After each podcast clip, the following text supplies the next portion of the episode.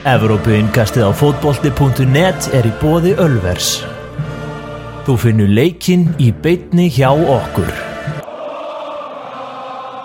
Sem og Karoki.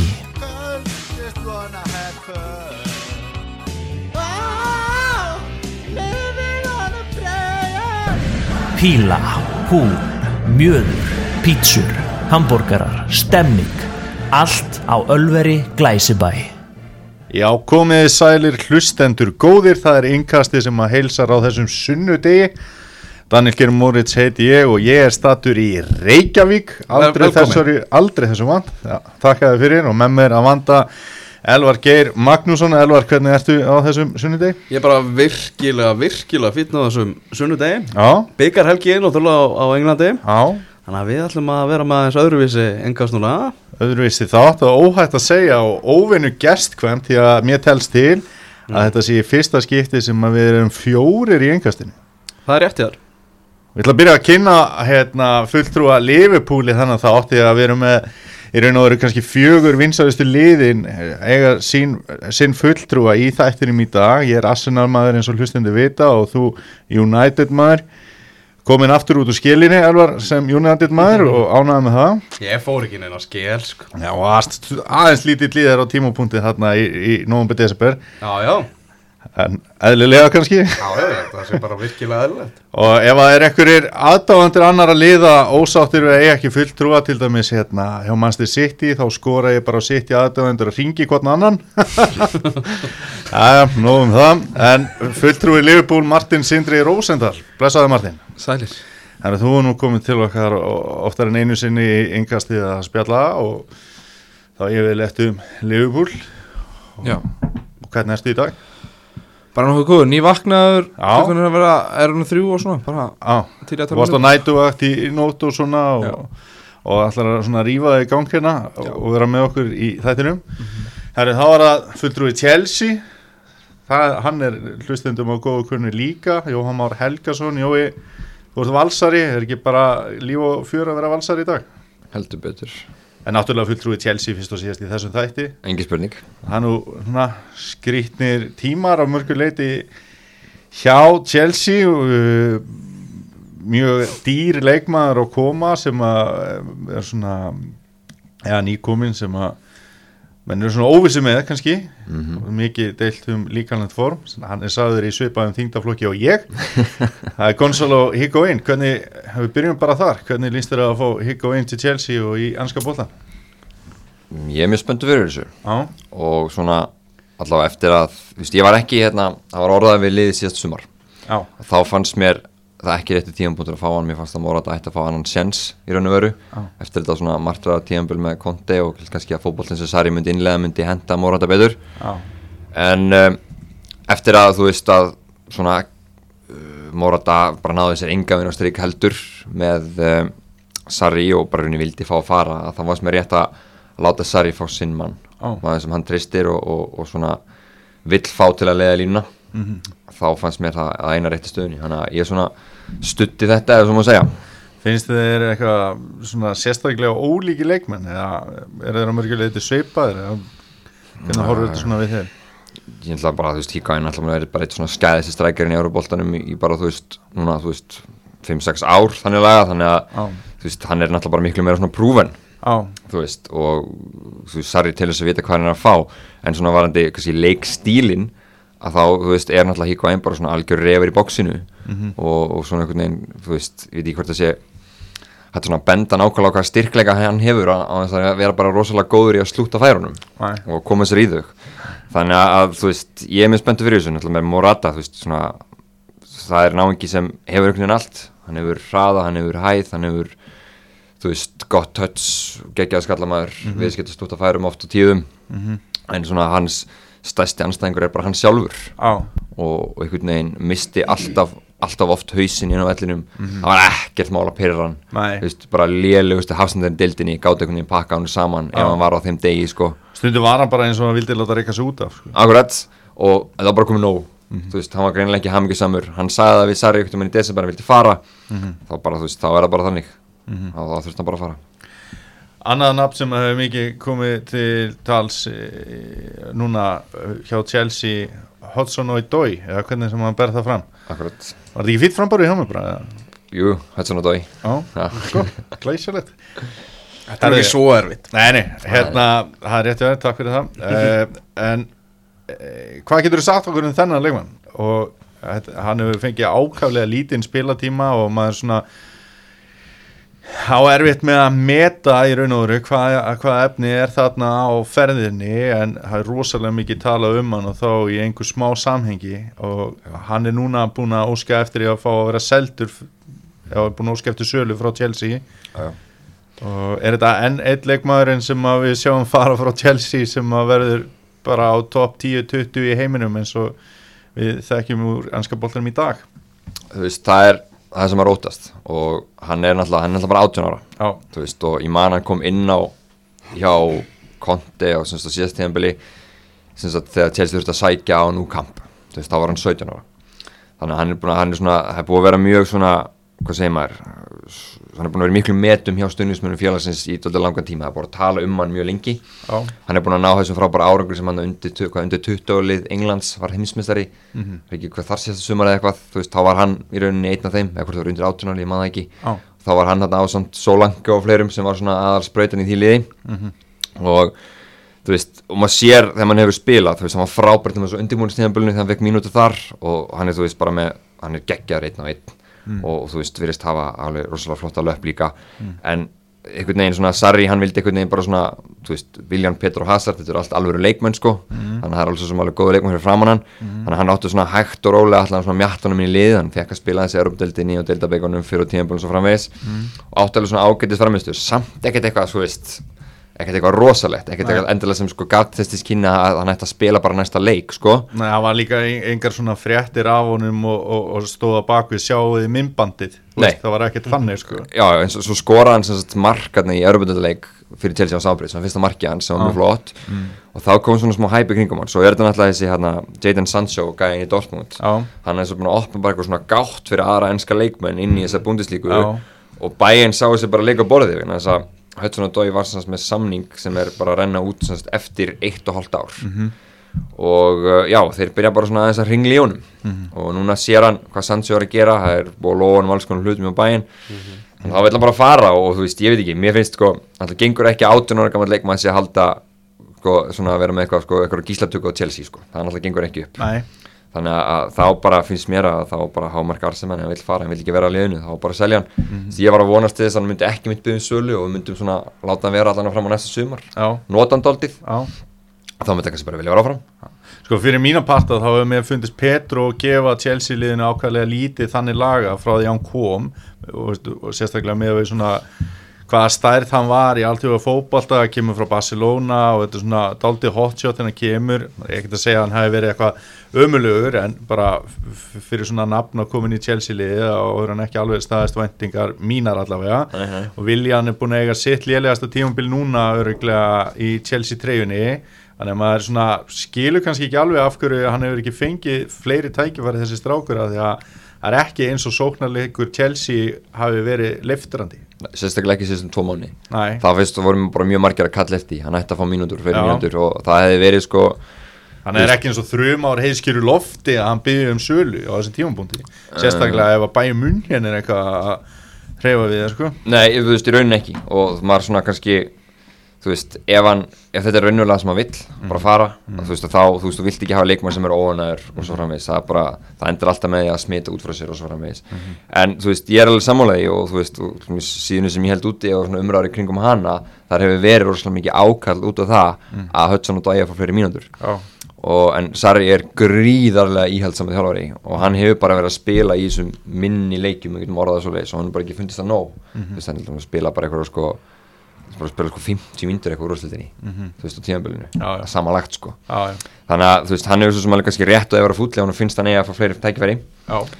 En, um, en samanskapi, þú veist að, að þú veist, að hjá Chelsea sér hann samt að að Hazard er mjög líklega að fara.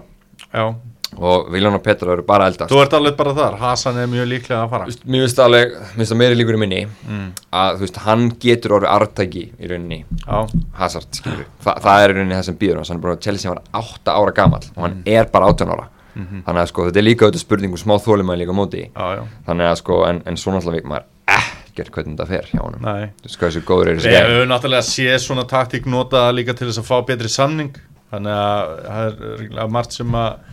er hægt að velta vöngum yfir varandi þessa fréttir sem á komu núna? Hvað Hann ég gerði það fyrir dag? hann er sagður á að hafna 80 spunda samning á viku, Já. 5 ár.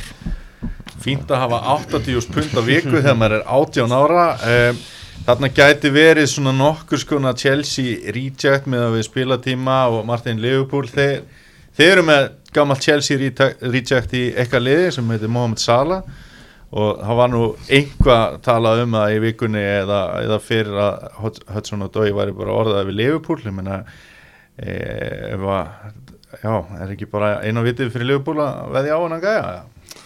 Ef að hann er af góður og, og látið með, með hann sko, ég hef alltaf ekki séð hann spila það mikið en, Einmitt. en mitt, þú veist, ef að bæinn er að elda sig svona góður á 35 miljonar punda þá hugsa ég að hann geti eitthvað sko, því að og ég hugsa að það var ekkert verra að fá eitt svona kantmann uppbót í Liverpool sko. Nei, einmitt. Þessi þáttur verður svolítið öðruvísi en við erum vanir, við erum náttúrulega fjórir og við erum ekki með kannski það marga leiki sem voru leikni núna um helgina sem okkur langt til að fara yfir. Við ætlum ekkert að fara yfir leikin sem var á föstudagskvöldi til dæmis, er það nokkuð? mm, Ekki neitt. Nei, nei, það er smá svona óskikja hjá mér það sem mínum menn töpu vila en jú, jú, sjálfsögðu skoðum við þann leik þannig að við verðum svona að- að að skoða hinn og þessi málefni með hérna, þeim sem eru með okkur hérna í dag og Er ekki Liverpool í sólinni? Er ekki Abu Dhabi núna? jú, jú, Já. það er hlaða batterið og svona. Það sem að mér langar að spyrja þig, hvernig finnst þér þessi umræða varandi dífurnar hjá Mo Salah og það, er verið að gera allt og mikið úr þessu, er eðlilegt hvað er gert úr þessu, ef við að fara að fara að sjá leikun með þetta er, veist, er hann að gera þetta núna því að hann hefur, hafði jafnvel svona það orðspor á sér að standa frekar af sér þegar var sparkað í hann áður en að þetta tímabil rann í e, fóra stað Þú veist, hvernig horfir þetta við þér? náttúrulega klárlega hefur hann verið að dífa sér það Mhm. er ekkert spurning um það uh, ég er ekkert sammála um að í öll skiptir sem, að, sem að hann, hann áhafa dífa sér að hann hafi verið að dífa sér Mhm. um, ég held líka bara að sé svo gríðarlega mikið undir einmitt og eins og segir hann var alveg í fyrra svolítið í því að standa í lappinnar og fá þá ekki þessi brot og þú veist ekki mark eða eitthvað þannig að hann kannski núna er svo mikið undir einhvern veginn. Uh, svo er þetta bara þú veist, ég man eftir þegar United voru bestir eða Chelsea voru bestir, þá er maður alltaf fókus á þessi lið að þeirra leikmann sé að díða sér. Í sama leik eða sérst á mútið Kristal Palas þá hendir Saha sér í jörðina það er ekki talað um það skilur nei, það er bara svo mikið ljós á honum núna já. að umræðan er alltaf um hann. Já, ég meina það er tilneying allra að vilja vantarlega taka þennan gæja svolítið niður því að hann Já. er búin að vera já, taka niður þá í umræðinu, ekki inn á vettinu skilur því að hann er alltaf bara búin að vera bestur. Já, já. já, Það- svo gott sem. það, það er bara þannig. Og þú veist, þú sér bara, ég man ekki hvort það verið fjóri leikir í röð þar sem að eh, hann fekk tvö víti eða eitthvað og hefði áttu kannski að fá, annað skilur því að hann er bara með boltarinn ef þú ert eitthvað að reyna að poti í boltan þá er hann svo snöggur og þú ert mhm. alltaf líklega þess að taka hann niður sko. Með þessi góðu punkturinn þar sem að Klattenburg kom með, þar sem að var að tala um veist, að dómarar þurfa að reyna að lesa í hvort það sé dífa eða ekki sko, og verður alveg hægt að lesa með Sala að þegar hann dífa sér þá setur hann hendurnar alltaf svona upp í loftið Já, þú veist, meðan svona ósjálfra viðbröð er að þú reynir að bjarga fallinu með að setja hendurna fyrir þig sko. Mm. en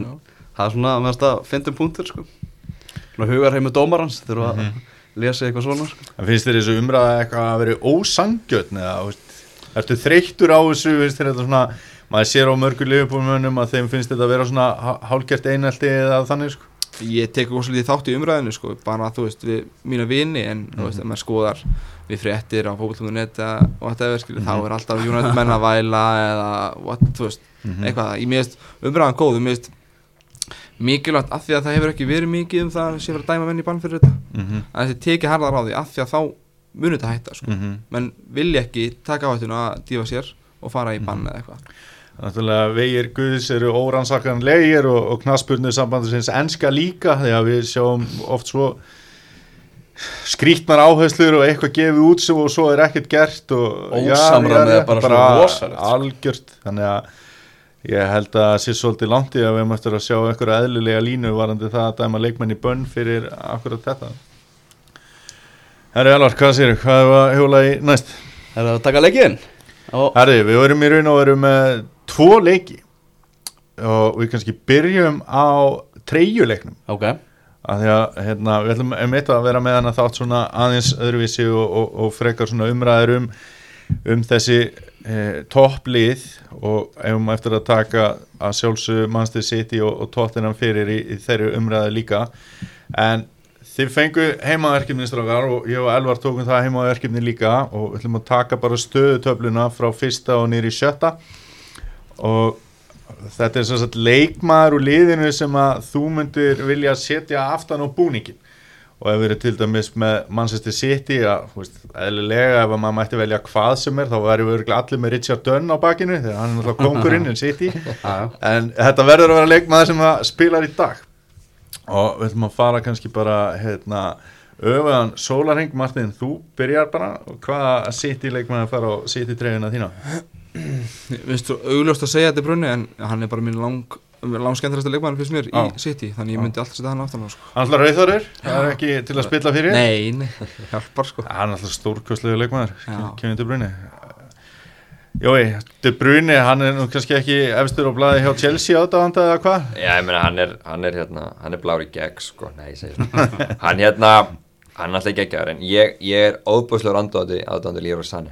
Já, Mér finnst hann eitthvað skemmtilegst leikmann að horfa í tildinni. já Þannig að ég myndi setja Hann hann í að vera á treyjuna þína. Elvar, hvað segir þú? ég er líka með sanni Já, ok. Ég, ég fór í Fernandinho. Hann, hérna, meðist hann uh, bara vannmettnasti mögulega leikmaður í úrvarsleildarinnar af því að hann var svo lengi að fá þann kredit sem hann á virkilega skili þannig að hann færi hjá mér. Þetta var líka bara topp maður. Öðru sæti í deildinni, þar erum við með nei, byrju, við, við, við byrjaði á öðru sætinu, hvað, hvað er í gangi? Ég held þú verður að sleppa Liverpool því ég held með Liverpool ég, Það er, ég byrst bara afsökunar á þessu. Fyrsta sæti þá, Liverpool. Martin, hvað segir þið þar? ég hendi Gini Wijnaldum aftan á hjá mér. Já, Hann er geggjaður leikmaður. Já.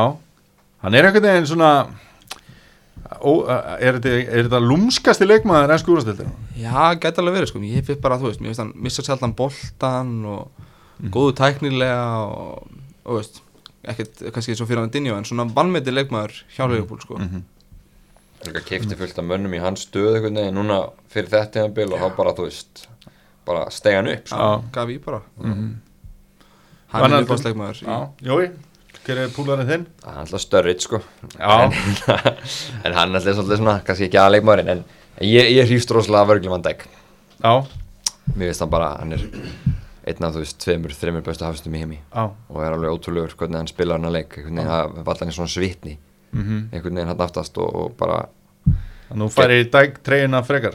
Já, já, eiginlega eins svona og staðan er í dag. Eins og staðan er í dag. Mm Elvar, hvaða púlari er, er hjá þér? Ég ákvað að taka aðna manni Sati og manni Já, það er eitthvað svona kann einhvern veginn vel við hann. Mm Algjörlega sammála því. Já.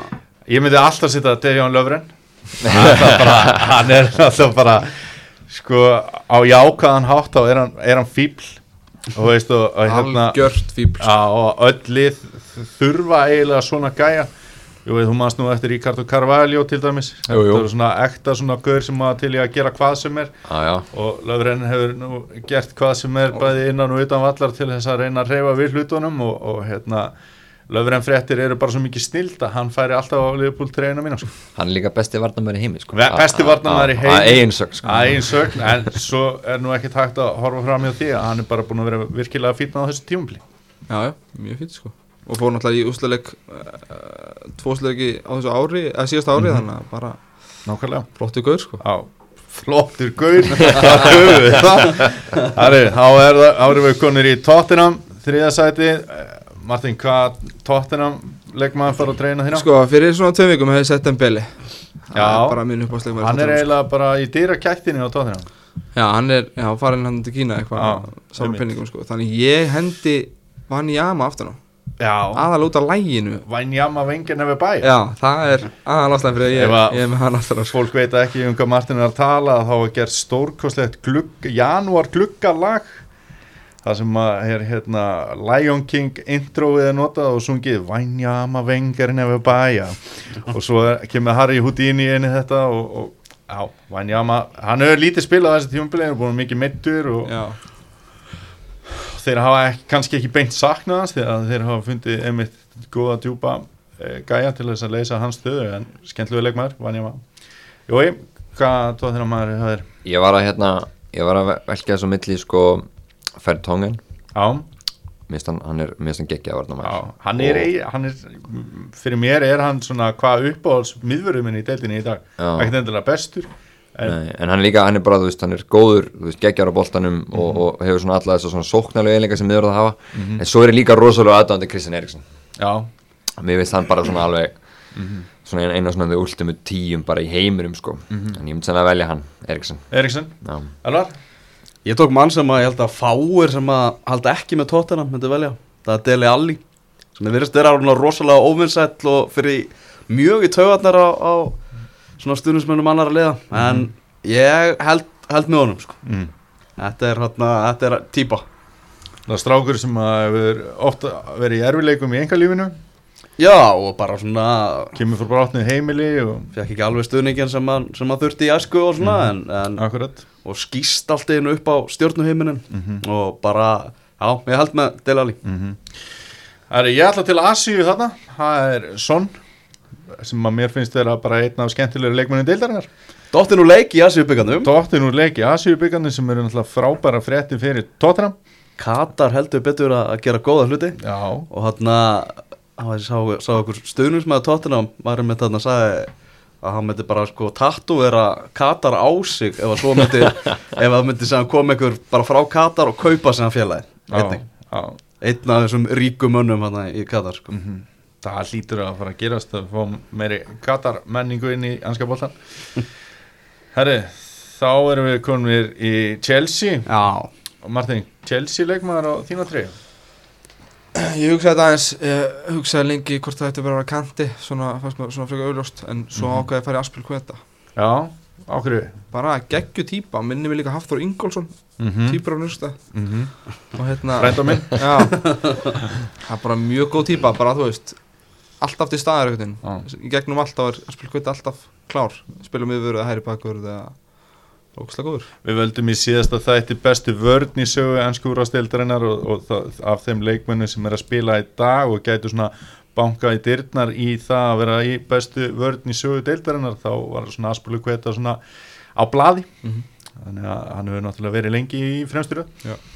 Jói, þetta er nú liðið þitt það er liðið mitt, sko, ég, síðasta treyja sem ég fekk mér var Kante. Á, ég myndi ekki að maður hann aftur Nei. og ég fór aðeins yfir þetta hjá mér bara hver hefur fengið mér á síkast sko. Og ég fatt að ég á enga Hazard trey ah. þannig að ef ég myndi fá mér treyju dag þá myndi ég setja Hazard sko. Ok. Mö, mögulega, mögulega kannski síðasta treyja sem við erum í sko. mm þannig að það er alltaf hann ok ég, Elvar? ég fer í augljósa bara, kanti Það er bara kanti Já. Já. Sko ég, hérna e, Þetta var snúi fyrir mér og einn uppáðast leikmaður minn bara allra tíma var Didi að droppa sko. Og hérna sem er fáralegt, því að hann skoraði alltaf á móti Arsenal. En hérna þannig að ef- maður hefði mátt setja Richard Dunn og City í treyjuna þá hefði ég sett droppa á Chelsea treyjuna mína. Og svo hérna langaði með hans að spyrja en ég myndi setja Marcus Alonso í dag. Ok, mér finnst hann bara það skemmtilegur og leikmaður. En hérna mér langaði með þetta að spyrja það var leikmaður að fara úr ennska boltanum núna í janúar? Sesk Fabregas sem að er eh, hérna mjög ofalega til dæmis stóðsendinga hæstu leikmenn í sögu ennsku úrvastildina hvort hann er ekki bara í öðru sæti þar. Og þetta er náttúrulega eh, sendinga geta sem að fáir toppa og svona fótbolta heili. Engin hraði eða tiltölulega lítil hraði en samt tókst honum merkilega ofta að stoppa sóknir anstæðingana með því að vera fyrir eða segja einhverjum að fara á ákveðna staði en svona leiðtói hugsa bara hraðar. Hugsa hraðar nákvæmlega. Eh, er þetta ekki karakter og leikmaður sem að á hvað að segja st- stóran hluta í sögu Chelsea eh, síðan þessi deild var stofnið Jú, menn hann, hann kom og hérna tveir titlar sem hann tók mm. -hmm. titlar og var leikilmaður í báðum þeirra. Sérstaklega hann alltaf fyrsta með Mourinho. Það sem hann var bara svona eiginlega bara svona eiginlega leikmaður ásins veist, ma- topp þreymur það Var þetta ekki svolítið bara Var þetta ekki svolítið liðið hans Fabrikas Ef maður tala um þetta svona þannig. Þú veist, það voru hann og, hann og Hazard Já, sem, sem voru svona bara ótrúlega góðir. Um, hann að já, ég, þú veist, mér varst alveg ríkala leiðilt að skulle fara í janúar. Mér finnst alveg bara, ég held að til þess að minni sakna svo rosalega mikið. Já, og ég var alveg verulega pyrraður því hvað hann fekk lítinn spiltíma á kostnað til dæmis Soros Barkley sem hefur bara ekki náða að spila nægilega vel Nei. finnst mér, og þú veist, ég bara er að gera bara rosalega einfalda hlut alltaf vellinum Barkley. Alltaf það var bara sko minna þá reyndan þetta erfiða og fór í þess að sendingu að þóra skilur hvað meina? Já. að þú veist að taka sénsinn. Þannig að bara og nú voru komin í einhverja fallbort í Fraklandi mér finnst það bara. Jónum Sæmandi sko líku við. þannig að ég, Fabrikas, ég hérna ég á Fabrikas treyju sko þannig að, bara svo ég segi, ég dýrka hann að gæja sko. Já. Eitthvað algjör vinnar 31 ás, hann er ekki eldri en það sko. Nákvæmlega. uh, Elvar, værið þú ekki til að hafa Fabrikas í United? Jú, ég held að United geti svo sannlega að nota hann. Já, Martin, Fabrikas í Liverpool. Já, Mann Fínt finnst þetta svolítið svona skríti, skríti move sko. Þetta er peningamúf, fekk þryggja á hálsson samning. Já, álega frekar góðan launum. Já. En ég held að Fabrikas er líka svona típa að það kemur ekki óvart ef við sjáum hann fara austur í seðlana þar eftir þetta Monaco dæmi og, og, og svo vonandi fá, að sjá hann bara koma sterkan inn í þjálfun. Það hefur mikið verið talað um að hann hafi mikla hæfileika þar. Og einmitt stjórin sem fekk hann til Monaco hefur kannski verið að sína hann hefur ekki hæfileika í alvöru þjálfun Thierry Henry þegar það eru svona skrýtna sögur sem fara af þjálfunar aðferðum hans þar þar sem hann hefur verið fyrir eitthvað svona ágengur við leikmenn og, og, og svona stuðlaða mikill í svona fullkomnun sem að var aldrei náttúrulega eins og úslitin sína alls ekki að virka. Thierry Henry. Já, Skamma hann ekki einhvern, mann, einhvern leikmann fyrir að gangi ekki frá stólnum á blaðamannafundunum fyrir fram blaðamann á, akkurat. Bara eitthvað svona verulega pyrraði já, já, já. já. Herri, þá eru koni Arsenal, Martin. Þú, fær, þú bara alltaf rýður á vaði já um, Er þetta erfiðast að liða að velja? eða? Já, mér fannst það, mér fannst svona Sammála því. Einhvern veginn? Já, ég hérna hugsaði á Bamjeng mjög lengi sko bara uh, hérna, Augljósum ástæðum, já, já. og hérna fíla bara gæjan sko, bara geggjur típa. Mhm. en ég hugsa ég myndi fá mér í Vópi aftan á. Já, í Vópi og þetta er óvænt. Já, bara fyndin típa sko. Það tekur engin leikmar í úrslutinni fleiri touch í leik heldur en í Alexi Vópi Æ, og bara einhvern veginn, hvað hva, hérna ég, við hefum góðan Arsenal vinn Andra Þór, Já, hann eh, það er ekki langt sem hann sagði hann bara að Vópi var hann geggjaður sko. Mhm. svo bara held ég 20 og setna þá fekk ég á snabbt djúðar hann að þú veist, þetta er bara geggjur típa sko, ég hef gaman á hann Þetta er eins og að fara á tapasbarinn Þetta er óvissu ferð að horfa í Vópi hérna, að spila sko. En hérna, Jói, hvað segirðu með Arsenal? Það er náttúrulega mjög einfalt val fyrir mig að kaupa bara markmæstregin og setja Big Pete aftan á sko. Eins og Hjálmar í markinu sem þú kallar hann Mm Akkurat. Hann náttúrulega er, er náttúrulega Chelsea legend út og í gegn. en, en það er svona, ef það er, þú veist, hann er náttúrulega vara markmaðurinn og svona, Já, ég meina það samt, skilur við Þetta er, þetta er ekki fáraleg hugmynd. Nei, nei, en ef ég ætti að velja útvölda leikmann Já, og væri bara með rauðu treyjuna þá myndi ég taka hérna Torreira. Mér finnst hann, mér finnst hann góð leikmaður. Mhm. og ég held að sé gaur sem aðsannlega koma með núna bara næstu 7-8 árin og verið bara geggjaður. Hann er ekki jólabann, hann hætti að vera góður um jólin og hefur átt erfitt uppdrátt að síðan eftir að hafa byrjað frábælega Já, Eftir að sjá hann fara í, í, í bara, bara svipu gæði bara og hvað við að segja, bara vera jafn mikilvæg fyrir Arsenal og við erum að tala um Kante bara hjá Chelsea eða, eða Opi Mikkel hjá Chelsea sem að náttúrulega hataði ekki að vinna veist, ég held að hann geta alveg náða okkur svona þannig status hjá Já. Arsenal þú veist, veist, hann er miklu betur en Grand Saka mínu vend allavega Mhm. og hérna þú veist, mér finnst hann oft að því ég sá allan eitthvað leikið með honum kannski, sem ekki sé mikið Arsenal eftir áramót en, en Mhm. klálega svona hérna hann kemur svona ákveðna eiginleika sem Arsenal liðið hefur klálega vant Já, undanferðin ár akkurat. og hann verðist fíla hann hann bolta sem Emre vil spila Mhm. íta upp og vera svolítið svona læti í liðinu Já, þannig að ég held að sé að ég fíla hann gaur svo, leili, svo líka hann lúmskur hann tekur svona svo, fyrst leikatri mhm. og, og fleira, þannig að hann svona leynir á sér já. Jói myndist á mannin sem að er á treyjunni þinni að því ég veit hvað þú myndi velja. Granit Það er Granit Xhaka. Já. Já, Ég er stend með mínu manni það, Ég beigi ekkert út af því sko Nei. Það var nú, þú varst nú orðin Xhaka aðdáðandi en við fengum að sjá hann í anska bóltanum. Já, ég þarna á, þegar hann var í riðli með Íslandi á EM U21 árs þá hérna hann vil að svona komið auðvitað hann og, og hef fyrst með honum í gegnum súrt og, og sætt. Mhm. aðalega súrt, mikið súrt. Það var alltaf verið svissmeitt bara besta efnilegsta landslið heimi. Já. Hann og Sakiri og fleiri. Já, það var Saka og Sakiri voru svona tveir stærstu í, í því Sko ég nefnilega hérna, átti miklu vandræði með þetta og, og, og síðast þegar ég fekk með treyju þá var Danny Welbeck aftan á henni þannig að rétt eins og uh, hefur komið hérna fram þá sittum maður ekki það aftur á treyjuna. Ég held nefnilega að ég færi í sjaka líka. Núi, velkomin. Já, eh, einhvern veginn er að fíla hvað hann er búin að stíga upp og svo er það, við erum rosalega svipaðar á velli ef, hún báður auðvelt með að stjórna spili og svona og, og hérna. Já, förum í næsta leik. En já, ég held að ég myndi taka Granit Xhaka. Emery hefur rosa trú á honum.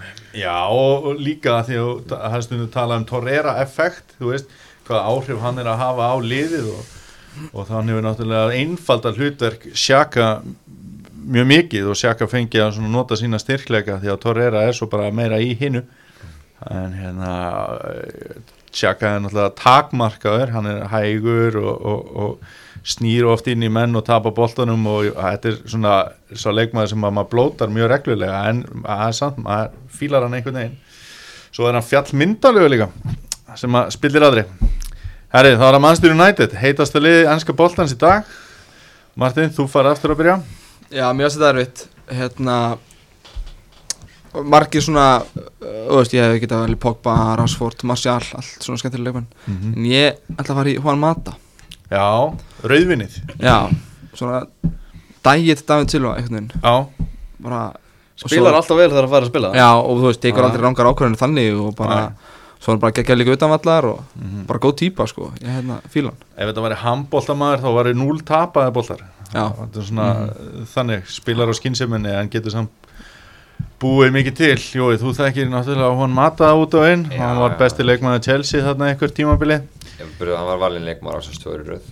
Tvö orði röð, Tvö röð með akkurat. Chelsea. Meðal hans að liða vann mistraldi Európu að en svo, svo kom einn maður sem heit Mourinho og var, þið voru ekki alveg að fíla konan Þannig að hann fór en, en hérna, ég myndi sann sko Ég vil ekki að að það næ, æ, æ, mitt, ég skil það. Þannig að ég myndi hérna, ég myndi taka Rashford Ég held að, ég held að sá gæi getur eitt besti í heimi.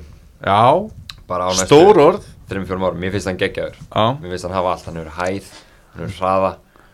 Hann hefur, rosalega löpp. Já. bara, bara, þú veist, fallbiss hann er að reyna líka að sparka öðruvísi í bolta heldur en eiginlega allir í deildinni sko. Bara hvernig þessi skotækni er.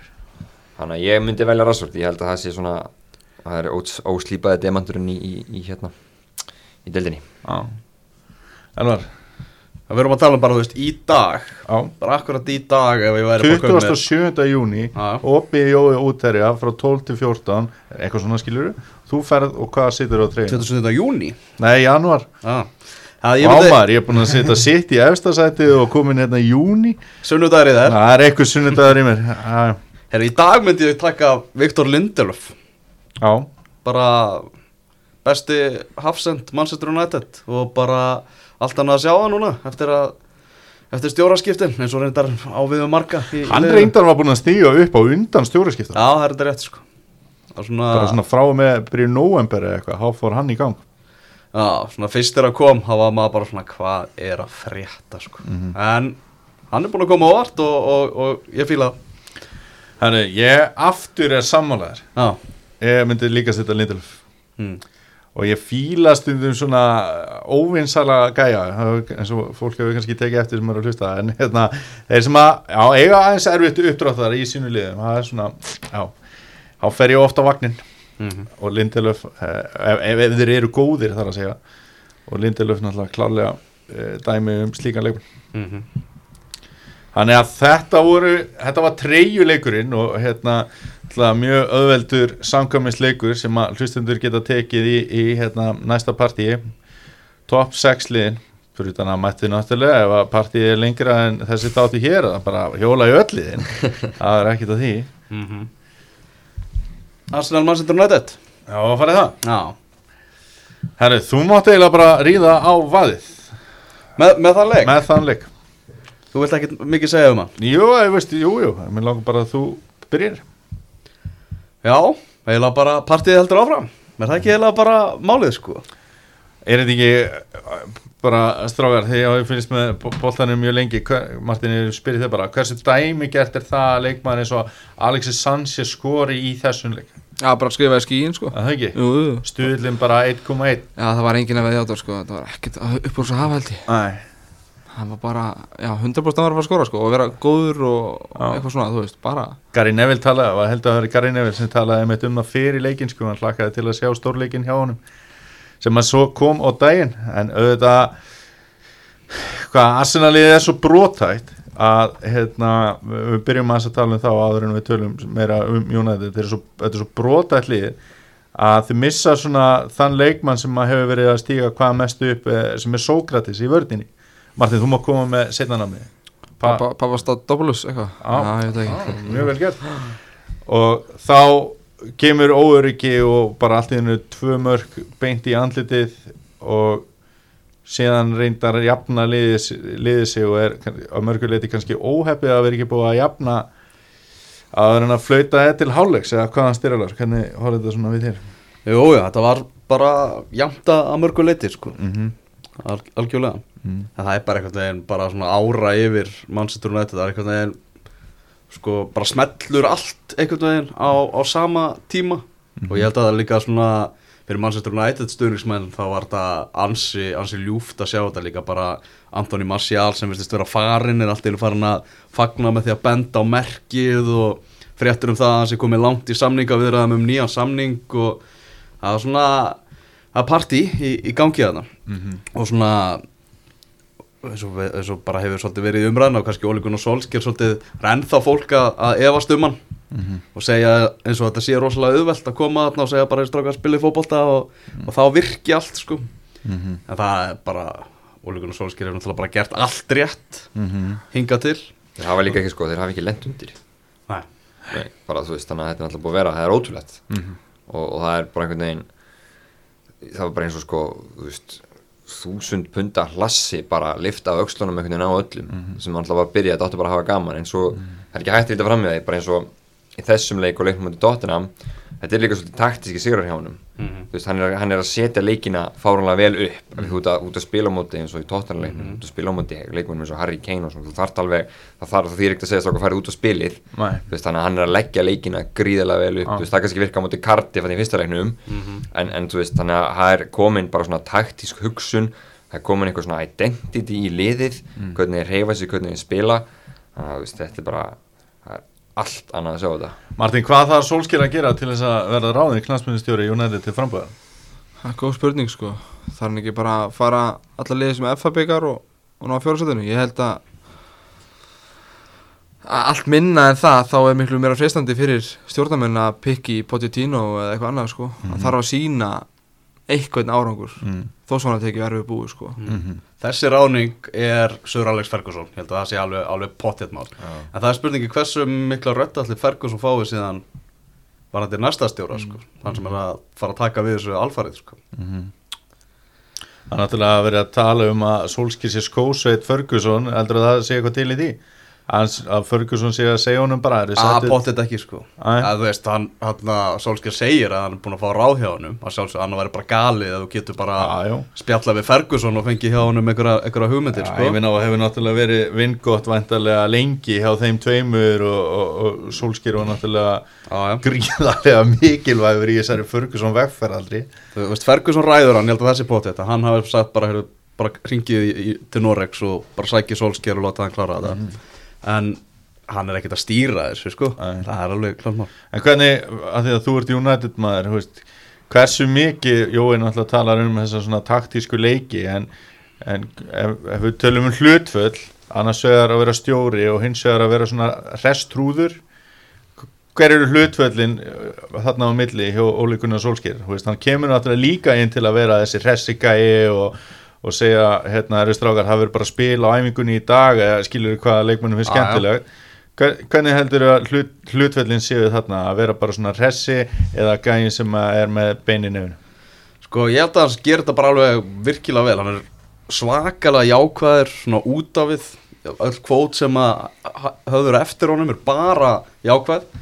En miðað við það sem maður heyrir og þeir sem voru að spila með honum og svona inn í klefanum þá er hann ekkit bara höfum gaman og allir glaðir og eitthvað. Hann, hann er alveg órættur við að, við að láta menn heyra það og, og, og, og benda á þetta. En kannski svona meni, Mourinho var meira að nota vettvangin að drullu við menn bara fyrir fram að fjölmiðla og inn í hérna, fréttamanna herbergjum sko. Já, ég held að Solskjær noti branna vettvang þegar, að- þegar hann vilji skamma menn sko, sem er rétti vettvangurinn Þú ert með topp þrýr lista af mönnum sem þú vilt sjá taka við United til frambúðar.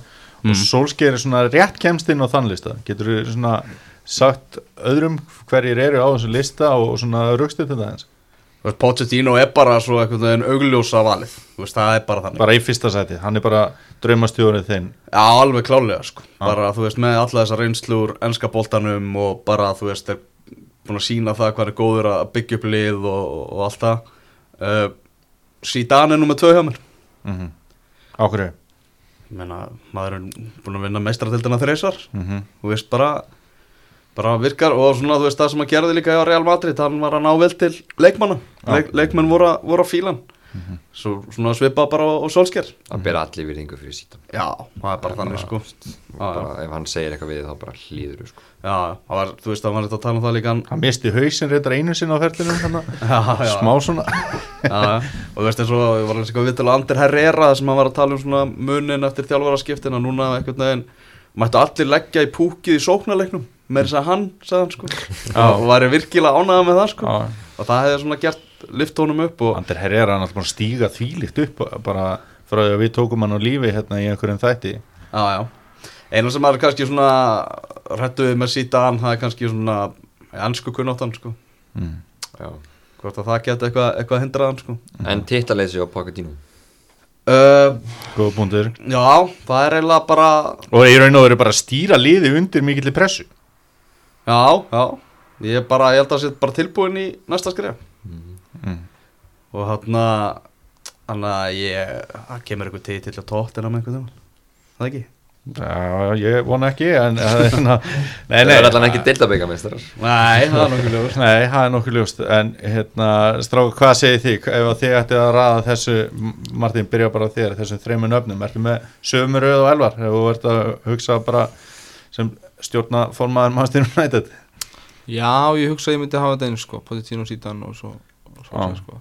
En svo breytist það kannski, þú veist, í mæ Já, ef að Solskjær heldur áfram Nei, þú veist, já, ég bara, ef- eftir fyrir því hvernig árangur hann nær, skilur og, og hvað Pochettino gerir með tóttanum, skilur ef hann Já, bara já, já, gerir ekkert Nei. aftur, þá alltaf, veit maður ekki hvort hann sé en svo náttúrulega, þú veist, ef hann fer, fer til United með fullar kistur á gulli og, Mhm. og getur nú það í það sem hann vil, sko. En f- svona fyndið samt ef það verður liti fram hjá Solskjær ef hann bara, þú veist, tekur núna 11 leik í röð og kannski jafnvel bara slæsa hann út PSG Já, og eitthvað Ég sko. ætla einmitt að, að því að við erum með Jóa hérna með okkur að því að við erum með nákvæmlega svona dæmi úr, úr, Chelsea. Jói, Roberto Di Matteo. Hann hefði ekki geta gert meira en hann gerði þegar hann tók við Chelsea. Nei, nei. Veist, hann vann tvo titla og þar með meistaradeld Evrópu sem að alls konar kallar voru búin að reyna. Og eh, hérna bauði náttúrulega upp og eins og reyndar vill oft verða í þessari keppni magnaðan úrslitaleik á, á móti bæjum hinn það sem að hérna, Didi að droppa spilaði svona kant bakvörð skástrygg strækir því að allir þurft að verjast. Herri, svo fær hann eðlilega út frá árangrinum samning og hann var rekin hvað í óttúber oktober, nómer Þetta er væntarlega eitthvað fordæmi sem að stjórnamenn Manchester United eru með bakvið eiraðan Já, þetta var svona svipa, það var bara sko algjör gjaldróta starf sem í gangi hjá Chelsea undir Andrið Vía Bóas Já, hann bara náði ekki til leikmann hann var, þú veist, jafn gamall og terri eða eitthvað skilur þetta var bara, þú veist, gekk enga veginn upp þessi, þessi tillaga að ráða hann eða tilraun.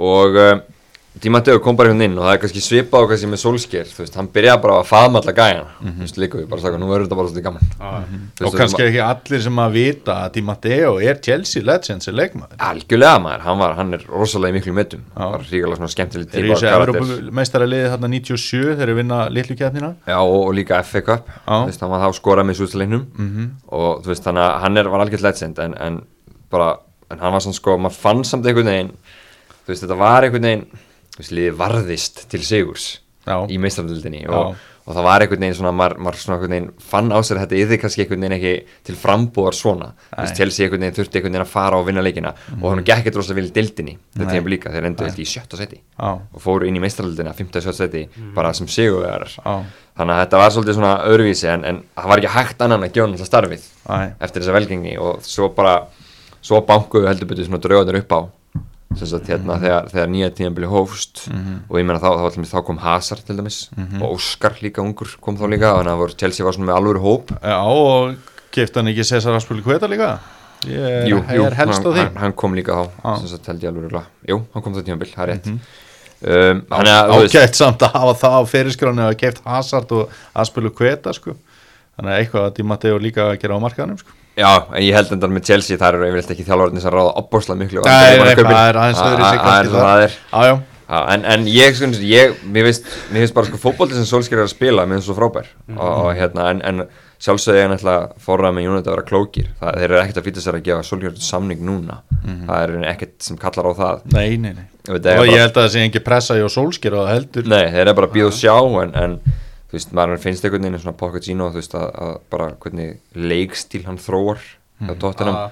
að það er einhvern veginn svona það er þetta sem, sem United vil sjá.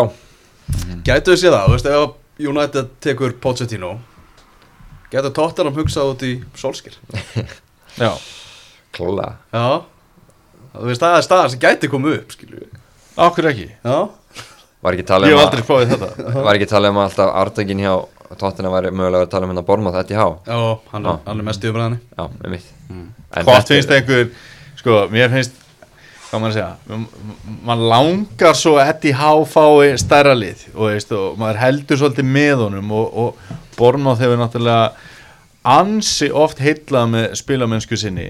En ef, að, ef við hefum að reyna að setja okkur í spór tóttinam stuðningsmanna hvort er meira spennandi að Eddie Há er ráðin stjóri eða ólíkunar sólskir alltaf ólíkunar svolkið núna. Er það ekki? Er að verið- meina bara- kannski ekki verið tveim mánuðum sko, eða þú veist. Nei, nei, hann náttúrulega, þetta er ekki fyrsta skiptið sem við sáum Solskjær í ansku úrastildinni hann var hjá Cardiff og gerði ekkert en það var það kannski starfsumkverjar sem að hendar típu, karakter og, og svona Solskjær ekki. Mm umhverju sem hann er í núna hendur honum miklu betur. Það er svona að- augljóst bara en hérna, ég, ef að ég á að svara sem einhvers konar tóttina stuðningsmaður í þessum, þessum pælingum, ég myndi að freka vilja fór Solskjær þetta er nett í há sko. Það væri mjög fyndið ef þetta myndi, myndi gerast sko. Bara svona, þú veist, er, þú veist, erfitt fyrir Pochettino líka ef það verður hort fram hjá Solskjær þrátt fyrir að hann myndi bara ná eins miklu út úr þessu og, og hægti er. Bara svona samaburðurinn sko. Já, já, Já. já. nákvæmlega. Það er nefnilega þannig sko Hvað var eitthvað annað í þessum FA Cup sem var, var margilegt? Manstu sitt í rúlaðu sinnleik? Já, og náttúrulega tvö köpsett í gær þar sem að Vestam og Evertón luku Já. keppni og ég horfði nú svolítið á hennan Evertón leik og þeir voru bara lélir bara, og ég já, Martin, hérna þjálfari Evertón Marko Silva Marco Silva Já. Hvað hva segir þú um hennan gaur? Ég veit ekki, ég hérna Ég skil ekki alveg að hæpi sko Nei, Hlutabröðum voru fljóta að falla á maður Já, og hækkuðu líka svo rosalega hratt sko Já. Þannig að ég hann tekur hlaupum svona aðeins yfir ferilinn, hann tekur í ennska bóttanum, hann tekur við algjöru þrótalið húl og er nálætti að bjarga þeim frá falli mm. sem að minn maður Harry Maguire var geggjaður sko Herri, svo fær hann starf hjá Votvort í, í framhaldinu og hann deliveraði í november eða november, desember, janúar eða eitthvað, þá fór Evertón að sína honum áhuga, hann missir hausinn er rekin er síðan ráðum til Evertón og maður sér ekki mikið framfara skref og aldeilis hvað veskið hefur verið rifið upp síðan að hann tók við Já, ég nokkulega, hann hefur fengið að eða hellinga pinningum og einhvern veginn hann átti reyndar hann fínt raun hann áður en þeir mættu svo liðbúl mm. Mm. svo töpuðu hann alltaf við liðbúl á ótrúlegan hátt Já, og eftir það hafa bara verið mjög liðlega sko. það er svona eins og hann, hann þúli illa mótlæti Já, já. ég veit ekki alveg hvað hérna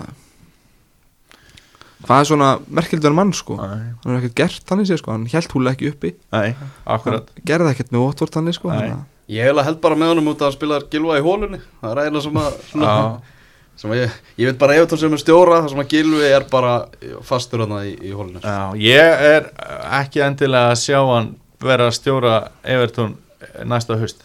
Heldur Óla Gunnar Solskjær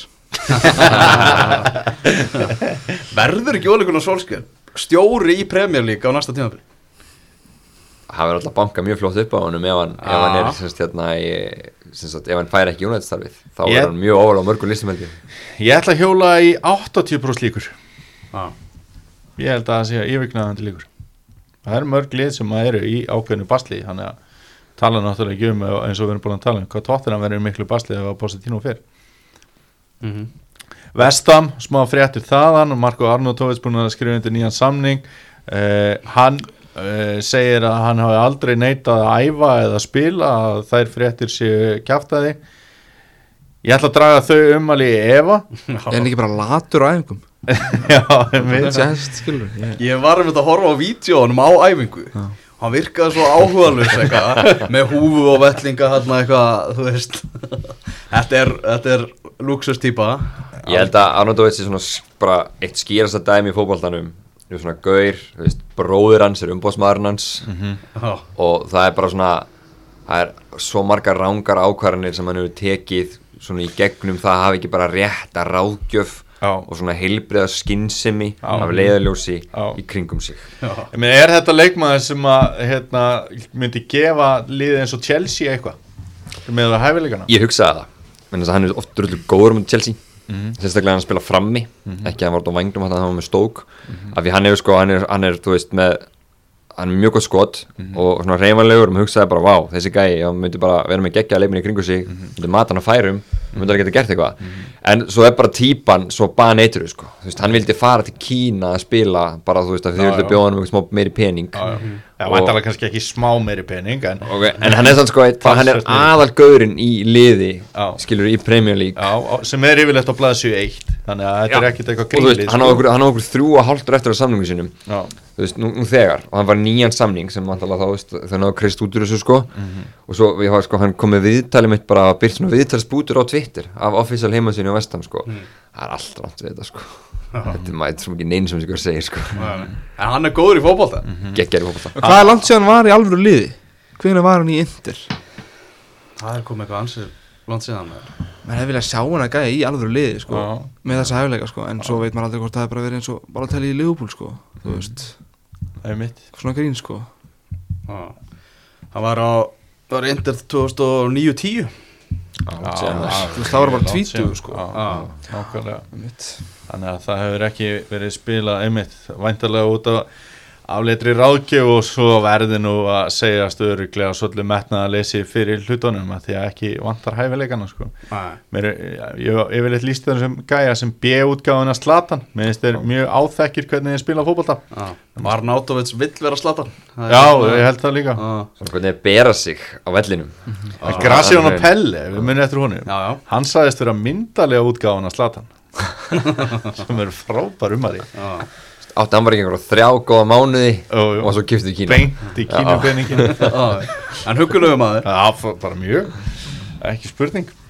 Ég var að fara í hinlegin bara í hinleikin, er það ekki bara? Já Herri, þá skulum við taka þetta í einhverju annari röð. Ef við að taka þetta í hinni röðinni? Nei, ef við ekki að lega gestunum að byrja og svo við all, a, Jú, jú. allavega, þannig að Jói, þú fyrir bara, byrjum á þér og fyrir síðan hinn hringin hérna e, strákarnir fengu heimaverkefni þar sem þeir áttu að velja þrjá bestu leikmenn síns liðs í sögu ennsku úrvasteildarinnar Þarna erum við ekki að fara í George Best eða eitthvað svoleiðis, við erum að tala um frá stofnun ennsku úrvasteildarina sem að hófst haustið 92. Leeds United voru ríkjandi englandsmeistarar þá. Og eh, Jói, þú mátt þá ríða á vaðið með topp þrýr, það við verða að vera í réttri röð, þú mátt ekki bara segja, þú veist, þrjá bestu, heldur þriðja besta, næst besta og síðan þann besta í sögu Chelsea. byrja á þriðja. Byrja á þriðja. já. það er sem sagt hérna þar set ég Eden Hazard. Já, þú ert bara með hann þar. Já, það er í rauninni bara ég komið svo sagt hann er búin að vera bara besti leikmaður liðsins í tveimur englandsmeistarartillum Ok, þetta er, er þetta ekki sá leikmaður sem að þú hefur svona hvað oftast hrist hausin yfir út af því að þegar hann sýnir sína bestu hliðar að þá, þá er hann skelli hlæjandi á þegar hann rennir boltanum í netið. En svo er hann svona takmarkaður þáttakandi í helst til mörgum leikjum með að við hæfileika Þú getur, þú getur klálega kategórað þannig. Og þú getur sagt svona að hann svona kannski svo sem er, hann sé ekki nóg reyður á vellinum. Hann sé og svona hérna og rólegur yfir hlutunum. Já og bara ekki kannski stöðugur eða, Já. þú veist, hvenær sjáum við Hazard tímabil þar sem hann er bara að flengja 30 mörk í öllum keppnum skilur við Já, hann er, hann er hvað, 12 núna held ég. Mhm. en, en þú veist, en ég bara, þú veist, þetta er hæ, eitt bara sennilega ásand Gianfranco Sola Mhm. hæfilegar ykkarst í fótballtamaður sem Chelsea er bara átt í, mm. á úrvarsluta tíðanbylunu sem bestur í fótboll Já, bara. bara. þú veist og, og ég segi, er, hann er búin að vera aðalsbrautin í að vinna, þú veist, tvo FA byggara, tvo líköp og tvo hérna, englandsmeistartilla Mhm. og já, ég held bara að hann sé, þú veist hann er algjörlega verður hérna í þriðasætið og hann, já, við fyrir að séu það eftir en, en það er eitt svona, held að þú verður ósóttuð þetta en það er annar mál. Já, já, já, það er bara gaman að takast á. Það er Í, öðru sæti, Já, það er John Terry John Terry, já. Og það er mjög erfitt að vera að eitt og tvömur en, en John Terry fer í annarsætið smiðust hann besti varnamaður bara í alltaf tíma þú veist, það eru kannski tveir, þrý sem maður getur sett með honum Við vorum, þessu. við vorum samanlega því í síðasta þætti að hann var í besti miðvörun í Já, skúrasteldarinn fyllilega sammála því. augljóstu að hann ætti að fara á topp 3 í sínu liði sem hann lék alla tíð fyrir í hans skúrastildinni Akkurat, og er bara, var þú veist bara náttúrulega svona hjartað og sálin í Chelsea liðinu. þú veist, hann var líka pínu fáviti sem að hjálpa honum alveg helling sko. já já og bara þú veist hann gerði það þurfti að til að vinna, já, átti líka fullt að erfið, erfið momentum á ferlinum sko. Já já, akkurat. Sem Um, að hann kom sér yfirleitt í sjálfur. Já já, og þú veist og þurfti líka að grafa þessu því sjálfur. Já já, nákvæmlega. Og svo það að vera fyrsta sæti það er, það er, það er Frank Lampard. Já, það er bara þannig að hann er þú veist, uh, maður svona gleymið með Lampard sko og þetta er alltaf sam, samböru með Gerrard sko, þessi tveir gauðra voru uppi á sama tíma og, og voru svo reikalega góður en skoðurinn bara, þú veist, áttu eða nýju tímabri röð, skoraði yfir 20 mörg þú veist, og þú veist, maður maður heyrir ekki af svona gauðrum í dag miðjumönnum, af því hann var actually bara miðjumæður, hann, hann var ekki tíja, nei, nei, nei, nei, hann, nei. hann var átta. Og þú veist, bara var hlaupandum allan völl að verjast og djöblast já, já. og þú veist, náttúrulega bara er ótrúlegu hópaldamæður Mhm. fyrir Chelsea. Hvenær verður hann stjórið, Chelsea? Dögur bara við að Sarri en, en Er hann ekki bara næstur í röðinni? þú veist, hann er að gera frábær hlut með Darby ég er búin að horfa rosalega mikið að Darby leikjum Ok. Og hérna, sem sagt hann er að spila frábæra hópaldar mm. hann svona, hann hann er að kötta sig inn í svona svipað spilamennsku og klopp. Það er svona, svolítið sem hann horfir til. Ok. Og uh, þeir, þú veist, spila rosalega hátt á vellinum. Mm -hmm. þetta boltar rólar hátt og, og sækir mikið vill hafa boltan en, en hérna það er, hann er, hann er minn maður. Ég hafði haft það sama í 1 og 2 já, það er bara algjörlega þannig. En þú eru haft drogbánum með þrjú. Já, sko að því að það sem að gerist alltaf við höfum með mitt rætt um það að því að ég valdi til dæmis Ríó Ferdinand í mittlið, Elvar valdi Vítits og Elvar svona talaði um að hann væri svona meiri Vítits maður að það þetta kemur svolítið svona hvað manni sjálfum finnst inn í þetta því að þetta er nú náttúrulega bara leikur það er ekki hægt að slengja fram hérna einhverjum starffræðidæmum til að, til að raukstiga þetta sko. Þannig að já, ég hugsa að ég hefði haft droppa nummið þrjú e- ef ekki Gianfranco Sola. Já, ég syns þetta varu þessi þrýr sem ég horfði í þriðasætið og en maður hugsaði náttúrulega sko Drogba var alltaf lengi á Chelsea. Hann átti líka alveg sitt strögglar. Þú já, veist, tvö tíðanbílinn og Drogba og Chelsea voru bara erfið. Já. hann að hérna og alls konar kallar keifti til að reyna að slá hann út líka. Já, já, Crespo Torres og fleiri en, en, alltaf einhvern veginn Hazard verið eiginlega bara eitt besti þannig að þetta var mitt laf. Mjög gott, var þetta samanlega þessi Chelsea vali eða? Já, þetta er þú bara ert brjálaður yfir þessu. Ég hérna, ætla bara að ræða þetta setna Ég kemist ekki orð. Nei, nei. Uh, þú fest verkefni að velja Liverpool og hvernig er rauðin í þessu hjá þér? og þú mátt endilega þetta var, jó, þetta var vel gert í þér og svona staldraði við og svo spjöldum að summa og svo farið í næsta þannig að Ekki bara allt í einu. Ekki bara allt í einu sko. uh, Númer þrjú hjá mér er Sabi Alonso. Já, Bara eitt Ok. besti sendingamæður sem ég séð Mhm. Hvort sem það er stutt eða langt. Uh, Kemur hérna inn 2004 Mhm. vinnur mestaröldina vinnur svo FA Cup 2006 Mhm. og fer svo annan úrsluleik 2007 er svo í liðinu sem er mjög nált í að vinna titilin 2009 Mhm. bara svo náttúrulega fer hann, þú veist, í bæin og reyðal og bara geggjaður það sko, bara Já. eitt svona besti spilari sem ég séð í Leopold Nú er einhver svona þreytasti liðupúbrandari sem til er, er að það átt að móka Sabi og Lonso út svo var hægt að fá Gareth Barry inn í staðinn bara alveg galið sko að Rafa Benítez hafa verið að hugsa þetta sko. Ef, þú veist, hann var náttúrulega ekki bara að hugsa þetta. Já, já. hann var að reyna að framkama þetta. Þetta er ástæðan fyrir að hann fer, er það ekki? það, það, það, jú þeir segja það sko. Já, alveg galið og sittur svo menn hlið við hlið og ætlar að fá Gareth Barry í staðin Við fylgir vinningu fyrir honum, hann er á náttúrulega flottan fyrir já, já, minna, vann með úrstöldina og góður á City en enginn Sabi Alonso sko. Nei, og svíður ennþá Mhm. að, hann hafi farið út af þessu sko þegar hann hefur aldrei farið á þessum tímapunkti ef, hann hefur ekki verið Nei og líka hérna, þetta er ekki svona leikmaður sem hann finnst líklegt að hafi verið með mikið vesen. Nei, alls ekki, bara geggju típa. Já. mættur úrlega bara á æfingar og, Mm. og spilaði og ekkert vesenum mitt.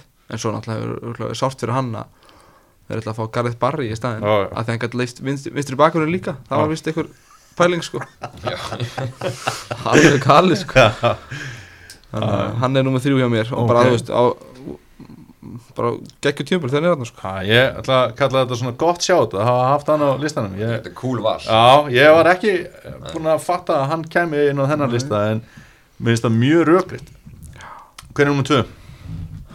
Númer tvö, mér finnst mjög erfitt að gera hann lista sko. Númer Já. tvö er Jamie Carragher.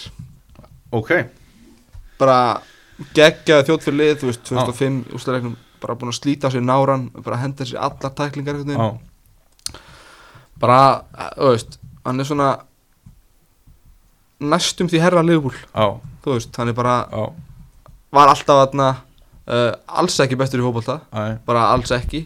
Hann var eiginlega ekki bestur í neinu Nei. nema hjartan já, já, Þú veist, bara að þú vera með hjarta fyrir Já. lið sko. spilaði allstæðir vördinni, vinstri bakur, hægri bakur, miður sko. Uh, Fór loksins að svona stíga virkilega upp þegar hann fekk að vera í friði í miðverðinu já, akkurat. Þegar hann var með hippi og svona bara Mhm. geggja miður bara sko, þannig að ég verða að hafa hann þarna. Ég, það voru margir sem góti greina þarna sko en Mhm. ég hérna ákvað að hafa hann Já, í tvö. Já. Spilaði hann stundum í treyju nummer 8 sem er nummer 1 Já, hann spilaði stundum í þegar númer átta. Það var eiginlega bara gefið sko ég, hérna, Steven Gerrard. Það var enginn ansið hvort ekki reyna sko. Nei, það, var alltaf bara, ég vissi var nummer eitt en Svo var 2 og 3 alltaf spurningaverki sko Mhm. Þetta er náttúrulega bara Geggjaður fótboltamæður Er, hérna, svo ég komið með smá svona, hérna, að þess að íti þig Er Gerrard einhver svona Er þetta besti lúser fótbollan, skilur við? Þú veist, ef við skoðum fyrirskrána og titla Já, já, Þú veist, þá er það frekar á skornu skamti hann er svo En hann, er, hann, er, hann var svo ógeðslega góður sko. já, já. Hann er hérna með ballak veit Ballakn eitthvað vann svolítið Ég meira veit það, ég veit en, það. en, hérna, en já, En ég er, er ekki Gerrard sá maður sem er búin að vera valin oftast í leið ársins? Einmitt. Ah. En þú veist, hann hefði náttúrulega getið unni við fleiri titla en hefði bara farið eitthvað sko. Já. Jói, þið voru nú að reyna að stela honum hann einu sinni. Það var nú, það var nú hérna Var eiginlega kominn bara til Chelsea. Það var brend treyjan hans styrra fyrir utan æfingu svo í Liverpool. Þegar hann var búin að samþykja að ganga til þessu Chelsea. Það var á, eftir fyrsta tíðan búin að smóra hjá Chelsea sko. Já. hann var alltaf voru Chelsea alltaf bara halvið dofilið sko það hefur verið svakalegt maður Tjúvill hefur vera erfið ákvörður fyrir Gerrard maður. Hún er úr að langað ógeðslega sá mikið að svona fara að sko. Chelsea stefna í svolítið aðra átt á þessum tíma Já, heldur já. en Liverpool sem að síðan kom heldur betur á daginn en hérna maður skilst að hann hefði líka bara fengið bref og fjölskyldan hans hótað og, og, Akkurat, og veist, sko. það var bara allt Svo gert til þess að halda, sko. hjá, halda honum hjá Liverpool Einmitt. og hérna og auðvitað langaðan alveg að vera í Liverpool, þetta er ekki þannig en nei. verða náttúrulega að hugsa bæði kannski einhverju leiti um peninga. En hafnaði hann ekki líka Real Madrid? Jú, jú, já, hann einmitt. er að líka sko. Það er náttúrulega hafnaði Real Madrid það er náttúrulega bara eitthvað Það er ekki Gera margir ekkert margir sem nei, gera það, sko. nei, Þetta eru bara, svona Bara- club legend sem eru að gera þetta sko. frábær típa og hérna vona að fólk sé ekki miskilja hvað er á við þegar ég er að tala um e, að vera góður lúser. Þá er raun og veru bara að vera með alla þessa hæfileika en ekki fleiri titla e, í, í farteskinu. Herri Alvar, við ætlum að fara næst til Manchesterborgar. Ah, Þetta var erfitt maður. Já. Þetta er búið að ringsnúa svolítið í Þú, á þú ert búin að vera að senda mig skilabóð seint á kvöldin með nýjum nöfnum Já, og ég er ekki að þetta er alveg búið að fokka þar upp. Hef ekki sofið sko. Þannig að besti leikmaður sem hefur spilað fyrir Manchester United er Cristiano Ronaldo. Já, Þannig erum við náttúrulega að horfa samt til náttúrulega Manchester United ferilsins. Já, Þannig að Wow, það voru rosalega margir sem að, sem að koma upp í hugan Ég ákvaða svona að henda kantona í þriðarsæti Erik Cantona Á. keiftur frá ríkjandi einlandsmiðsturum Leeds. Mhm. og það er talað um að bara æfingar og allur kultúr hjá mannsturinn að það er breyst við hans komu til liðsins. Já, hann bara er með eitthvað, þú veist, svona áru. Liftir öllu liðinu á, á annað plan. Kemst ekki upp með eitthvað rugl að vera í kringum svona Það er bara ótrúlega mikill töffari. Tók náttúrulega alla aðtiklina eða bara á sig á, á fréttamannafundum og, og, og öllu. Var alveg tilbúin að vera sultu geðvikurinn á velli. Já, já, og dæmdu náttúrulega í langt bann þarna eftir karatispark já, sem að segja náttúrulega líka bara um svona karakterinn. Já, já. Rosalögur, rosalögur karakter. Já. uh, Í öðru seti þá tók ég Pól Skóls sem að svona kannski yfir ferilinn hann var alltaf að fá rós frá svona móterjum og, og ég uh, tók að saman að veist Zidane, Sókrates, Pirlo, Savi, Guardiola þeir hafa allir verið svona bara að tala um hann sem bara besta miðjumann sinna kynsluðar Það er náttúrulega sögur um það að það hefur verið myndbönd af Paul Scholes í Akademíu Barcelona. Ah, sem að segja nú ímislegt svona hvernig áttu að nota fótbolta heilan? Ég er smá svektur með sko út af sem leikmaður. Þá hana, fór hann ekkit í viðtöl og, og bara fór- í sára fá og sagði bara veist, ég tala bara inn á vellinum sko. Það það er bara þannig og en hann er bara svona enga veginn lækabúl þú veist hann er ekki lækabúl í framann við byrjum bara því. Nei. og, ha, nei, og veistu að hann hérna og hann var ekkert að gefa af sér í viðtölum og svona daldi svona daldi grófur og, og rífandi kjaft og svona. Introvert einhver já, svo þetta svona en já, ég veit hvað ertu ert að fara með þetta. Hva, og hvað svo?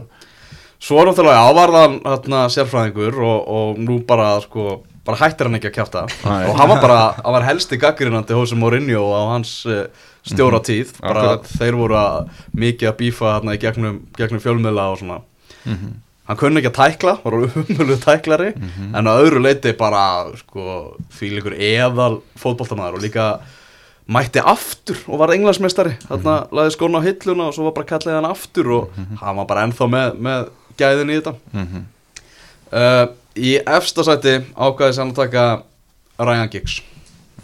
Bara svo sigursælasti sem að bara ennsku fótbolti hefur, hefur séð. Bara ógeðslega skemmtilegur leikmaður og líka bara gaman að fylgjast með honum svona hvernig hann lengdi ferilinn með því að breyta sér sem leikmaður.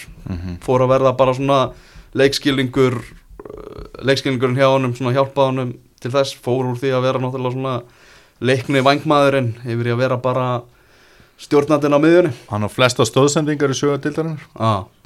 þannig að Ryan Giggs var alltaf náttúrulega alveg hellingur á nöfnum sem maður hefði viljað setja á, á lista, það vantar ekki en þetta er, þetta er top 3, er þetta ekki ágætt niðurstað hjá mér á endanum Jú, Ég er stressaður fyrir þessu. Það er að velja, þú veist, Wayne Rooney og Og með svo marga, sko. Já, já. Unni svo mikið á þessum tíma, óþórandi sko Já. Það er erfitt að velja einhverja Ég held að þetta sé eh, erfiðasti listin af þessum fjórum Já, liðum líka að, fara í Manchester United Þú veist, Roy Keane og. Schmeichel og Ríó Ferdinand Ríó Ferdinand. Ferdinand, Peter Schmeichel Beckham. Garri Neville, Beckham. Veist, Þetta er svo ótrúlega mörgna Klebesson Filner já, en ég ætla allavega að ég sé með hárrétt í efstu tveimur Skóls og, og Giggs Já, Ok. Herri, mér fannst hérna fyrstu tvö sætin hjá mér ekkert mál. Ok, uh, og nú er ég að velja sem sagt fyrir Arsenal best, þrýr bestu. Og ég þurfti bara svona ég er eiginlega bara ennþá að ugla með hérna þriðasæti af því að mér finnst uh, svona ómögulegt einhvern veginn að gera upp á milli Tony Adams og Patrick Vieira sem að eru að berjast þarna um þriðasæti ok. Þú veist það er eiginlega ekkert rökrétt að velja annan frekar heldur en hinn. Mm. En ok, ég verð samt að, velja og þá, þá ætla ég að fara bara í þann sem að fekk þann titil, að- vera herra Arsenal og setja Tony Adams í þriðasæti Mm. og hérna uh, hann var náttúrulega það sem að aðrir miðverðir miðuðu sig við þegar þessi kynslu fer síðan að koma með Terry og, og, og, og Rio og öllum þessum gæ- gæjum.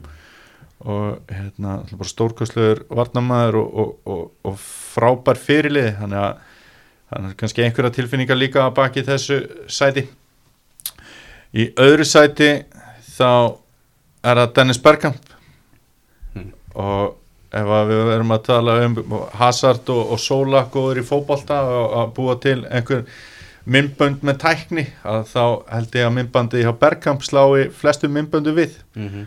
og, og ef að einhverjir er að hlusta sem að muna kannski ekki eftir honum sem er í yngri kynsluðinni og, og þannig að þá bara skulið þið fara á YouTube og signa ykkur og halla ykkur aftur í stólnum sko því að það er bara veisla og alltaf markið sem hann skoraði þegar hann tók hann að Nico Dapisas það er alltaf Vá. bara eitthvað sem að flottasta marki sögur já, þetta er bara ótrúlegt Var ekki Rúta Nistelö sem sagði frá því að þegar hann var svona að alast upp og stíða sem fyrstu, fyrstu spór þá sagði þjálfarinn hjá honum bara á bara verkefni að horfa á alla leiki með Dennis er mm.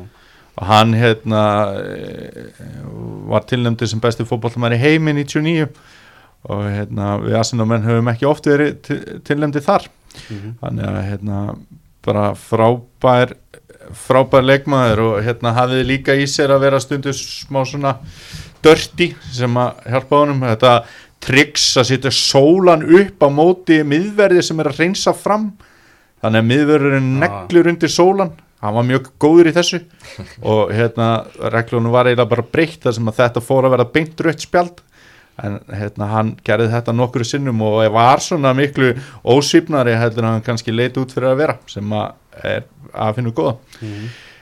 fyrsta seti var alltaf mjög létt Mhm. að velja besta leikmann að því að þetta er besti leikmaður í sögu hans kúrastildar hann er mínu mati jafnvel það er Thierry Henry Já.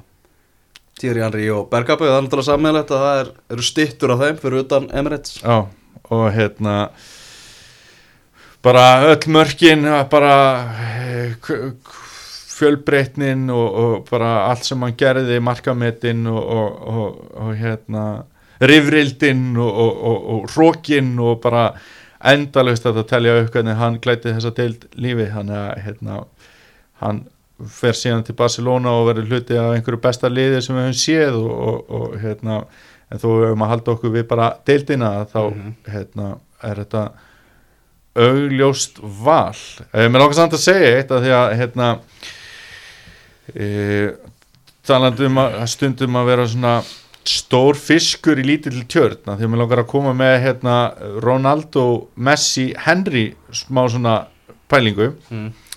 að við höfum séð með Cristiano Ronaldo og Lionel Messi að þeir náttúrulega setja bara ný viðmið í fótboltanum. Og það er, hérna, þetta eru gæjarnir sem verður talað um næstu 50 árin væntalega hef ekki lengur. Uh, að þeir gera einhvern veginn svona allan á vellinum betri. Og við sjáum til dæmis núna kom Messi inn á í einhverjum leik sem hefði átt að vera formsatri að vinna og Barcelona í algjöru ströggli og hann kemur inn og loka leiknum. Um- Lekarnes leikanesleiknum og við höfum oft séð þetta líka hjá Ronaldo og við erum að sjá þetta hjá Ronaldo núna hjá Juventus í ítölsku deildinni sem er Mhm. langbæsta liðið. En síðasta tímambilið þegar Thierry Henry var hjá Arsenal þá var hann orðin superstjarnar og hann var eina superstjarnan í liðinu. Og þá var þetta orðið þannig að, að hérna, hann fekk boltan og allir byðu eftir því hvað hann myndi gera. Veist, þetta var einhvern veginn svona formúla komin hjá liðinu sem að gekka engan veginn upp. Þannig að það var svona áhugavert að sjá þegar hann fer síðan til Barcelona að þá var hann ekki stæðsta nafni þar og náði þá að vera betri heldur en hann var kannski síðustu tvö árin sín hjá Arsenal. Mm. Algjörlega, algjörlega Ég held að allir hafi leist uh, þessi heimaverkefni sín bara nokkuð vel. Já, ég held það, þetta er búið að vera mjög áhugavert. Mér langar að reyna svona getur við gert á hundavaði að fara í þetta í, í Tottenham og City líka? Ég var aðeins búin að hérna Það er svo hættulegt að gleyma einhverjum sko. Já, ég var aðeins, ég er tilbúin með City listan og ég ætla ekki að gera þetta eins og við erum búinir að gera. Heldur ætla ég að slengja fram öllum þreymur nöfnunum í réttiröðu og aðtúa að síðan hvort að með tóttinarlistin finnst mér svona snúnari þannig að þið getur núna rétt á reynd að mynda hann. Númer þrjú er Vincent Kompany Númer tvö er Aguero og númer eitt er David Silva. Já, ég hefa með það nákvæmlega sama í haustum sko. Já, bara, já, bara Og frekar Silva númer eitt heldur en Aguero líka? Já, ég, ég er hrifnari af Silva. Af því að bara Silva er veginn spilar meira og þú veist, er meira heill og Já. Æ, mér finnst hann gefa liðinu bara svo ógeðslega mikið sko. En á Kompany að vera frekar en Fernandinho? Mér finnst að kompani að vera fyrstur. Númer eitt? Hann er bara, hann er sko, hann er náttúrulega bara góðsögninn Já. þarna í þessu. Hann er eini gaurinn sem var kominn til liðsins á hann voru kiftir Mhm. og frá mig, ég, ég, hann er svo vinsæll sko. Mm Vist bara ef það væri eitthvað svona city, all-in city guy Já, já, mögulega já, myndi já. hann velja hann. Ég, samt, Já. ég veit það samt ekki sko. Já, já, já. En Aguero og Silva er alltaf bara, þú veist En þú myndir ekki henda öðrum konum þeirra út af listanum fyrir okkur annan. Nei. Við erum með Fernandinho, við erum með hérna, já, Túre til dæmis. Túr er náttúrulega, hann er náttúrulega rosa sigurstalluna Já. ég held samt sko þessi, þessi Guardiola velgengin núna Túr var svona veginn enga veginn er einhvern veginn svona ekki þáttakandi í henni þannig laga sko. Nei, en já, en, en David er að vera það líka rosa lengi. Aguero er náttúrulega bara, er hann ekki markaðistu leikmaður lífsins frá upphæði Jú, bara eitthvað, jú. já, nákvæmlega. Þetta eru bara living legends þessi gaurar. Já Það er samanlega þessu eða bara? Já, hvita bara undir þetta. Já, Endilega, já, svona það er svolítið einfalt með, með City að þú, þetta er náttúrulega bara síðustu ár sem að já, já sem, sem nákvæmlega. að horfum mest til minnist á tóttina með að við takjum bestu leikmenn í sögu tóttina þá eru þeir flestir að spila fyrir stopnuna einsku úrvalstældarinnar sko. Mhm. þá erum við að fara svolítið lengar aftur í tíman sko. Mhm. En já, við þurfum náttúrulega að halda okkur inn þarna frá 92 ah, og ert þú með einhverja pælingu með Tottenham eða, eða ég er með smá pælingu að hérna, ég er í smá vandræði með þriðja sætið ah, uh, ég veit eiginlega ekki alveg hvern maður ætti að setja það þetta í séringam þess vegna kemur bara til greina sko. hver eru hinnir? Númer tvö er ég með David Sinola Já. Og númer eitt er með Harry Kane. En Ah. Ledley, Ledley King. Ledley King, það er mjög gott nafn.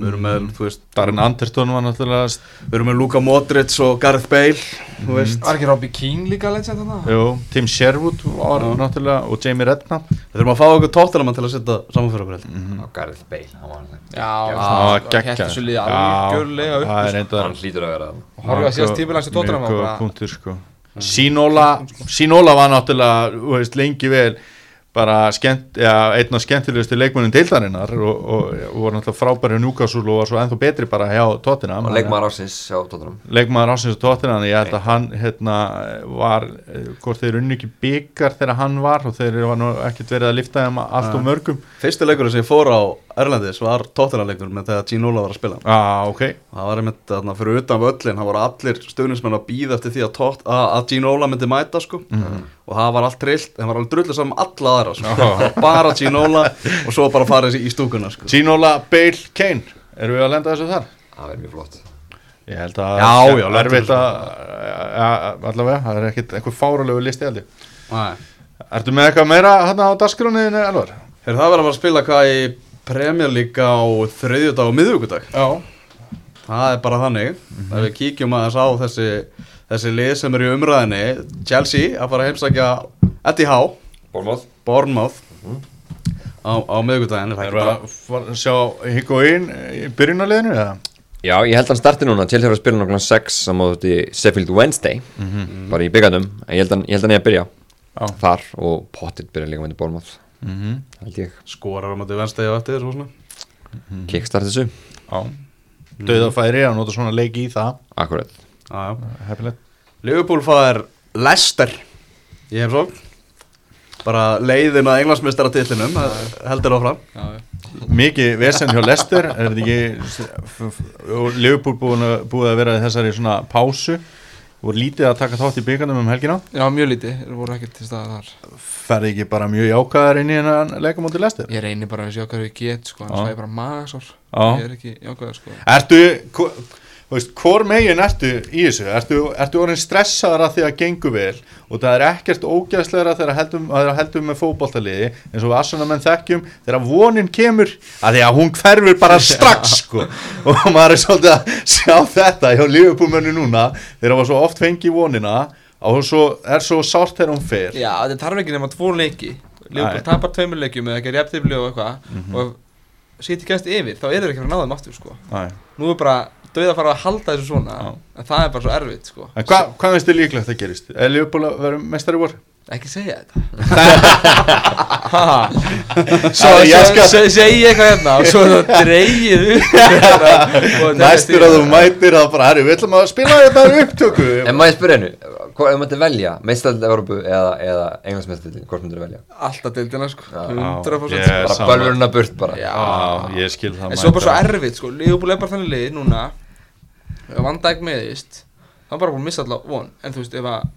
Laporte meðist Eða Stones meðist Eða Company meðist Eða Aguero meðist Mhm. Skiptir svo litlu máli á City. Kemur bara grannar í staðin Það er Newcastle, Óþolandi. að Newcastle City City spilar á undan, þeir eru á þriðudeginum og Liverpool á, á miðugudeginum Er ekki Benítez að fara að gera Já, eitthvað já, eitthvað til að finna þetta gera eitthvað gott Það er trúið Benítez Rondon ósjaldan skorar. Já, Já. nákvæmlega, Rondon búin að vera sjóðandi heitur svona, þanniglega og Benítez hefur nú ósjaldan náða að stríða uh, stóru köllunum sko. Ég segi samt alltaf fyrir leikjum City Ég held Höttur skildir að fara að stríða með eitthvað Svo verður þetta bara 4-0 Það er bara Það er náttúrulega smá munir að City hefur verið að taka núna svona sína leiki að meiri sannfæringu heldur en Liverpool og Speroni var náttúrulega kannski munurinn á liðunum í síðasta leik Liverpool Já. að mörgu leiti þó að Liverpool hefur vantarlega klárað hann bara hvað sem var. Arsenal á Cardiff. Já, heimalik mm. Ég ætla að vona að við fáum smá síningu þar. Forumsadriði Já, Cardiff og Höttisvilt þeir eru bara svo léleg rosalega lið lið Já, það eru, og, Það er þeir, bara gæði sko og það er ekkert skemmtilegt við þessi lið, bara ekki neitt nema, jújú, jú, það er gaman að þessi Íslandingur að sjálfsög í ennskúrastildinni ég ætla ekki að gera lítið úr því Mhm. en þessu utan þá er þetta döðin og skriðbeltanum Mhm.